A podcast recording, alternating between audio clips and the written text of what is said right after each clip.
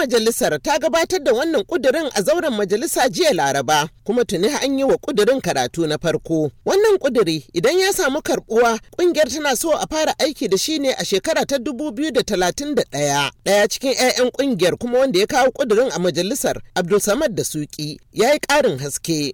Mun san muna da alama cewa da yadda Allah ya da cewa wannan zai mun aiki amma muna son 'yan Najeriya su shigo cikin a tattauna abubuwan nan sannan tare da su mu zo mu samu dokar da za ta yi mana aiki a Najeriya da tsarin da zai aiki a Najeriya. Na wannan tsari shine tsarin da muka sama tun lokacin su Saddauna ya muna aiki amma tun da aka bashi har yanzu mun kasa gane kanmu a matsayin mu 'yan Najeriya sai muka ce gara mu koma mu abin da ya yi muna da wanda ke ta samu cikin wani yanayi.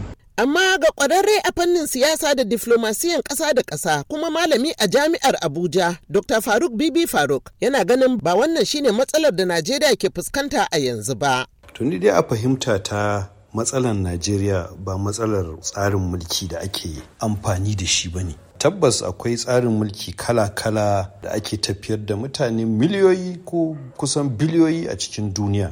Alal misali a tsarin mulki irin na wannan da ake magana a kai na parliamentary na 'yan majalisa masu cikakken iko da suke zama ministoci su zama su ne prime minister su ne da gwamnati a hannunsu. Akwai wannan akwai na shugaba mai cikakken iko wanda sai dai wato gwamnatinsa ta zo ta yi bayani a majalisa amma 'yan majalisa ba su suke tafiyar da gwamnati a yau da gobe ba. Amma akwai ragowar tsarukan mulki kala-kala. Ai faransa ma ita ta hada tsarin mulkin shugaba mai cikakken iko ta kuma ɗauki tsarin mulki na majalisa mai cikakken iko ta hada ta mutsaka kuma ana cewa french system shi ma kuma yana tafiya. Akwai kwamanisanci ana yin sa wanda shi jam'iyya ɗaya ce kawai a nan majalisa take a nan komai take jam'iyya ce take tafiyar da ƙasa. Akwai na sarakuna su dubai su abu dhabi da sauransu.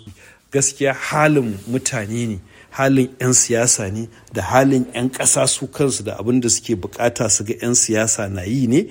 Shi yasa muke da wa'annan matsalolin To sai dai fitacciyar 'yar siyasa daga jihar Kano, Hajiya Mariya Ibrahim Baba ta ce tana goyon bayan yunkurin 'yan majalisar. Wannan tsarin tafiyar da shugaban kasa mai cikakken iko da muke tafiya a kansa shekara aru aru kwalliya bata biya kuɗin sabulu ba. Na ɗaya tana da tsada, ana kashe kuɗi, ana narkar da kuɗin bayan Allah, kuɗin 'yan Najeriya. Ba su ji ba su gani ba, kamar ana ƙyata musu a shana, ba biyan buƙata. Saboda haka yanzu an ce sun nemi su 'yan majalisun nan guda sittin sun nemi cewa a gyara kundin tsarin mulkin Najeriya a gyara shi a mai da shi yadda ake yi da zamanin Sardauna na Prime Minister.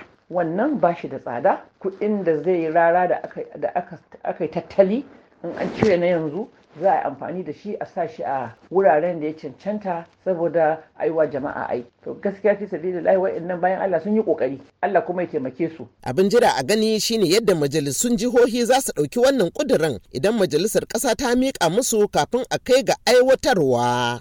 Madina Dauda muryar Amurka daga Washington DC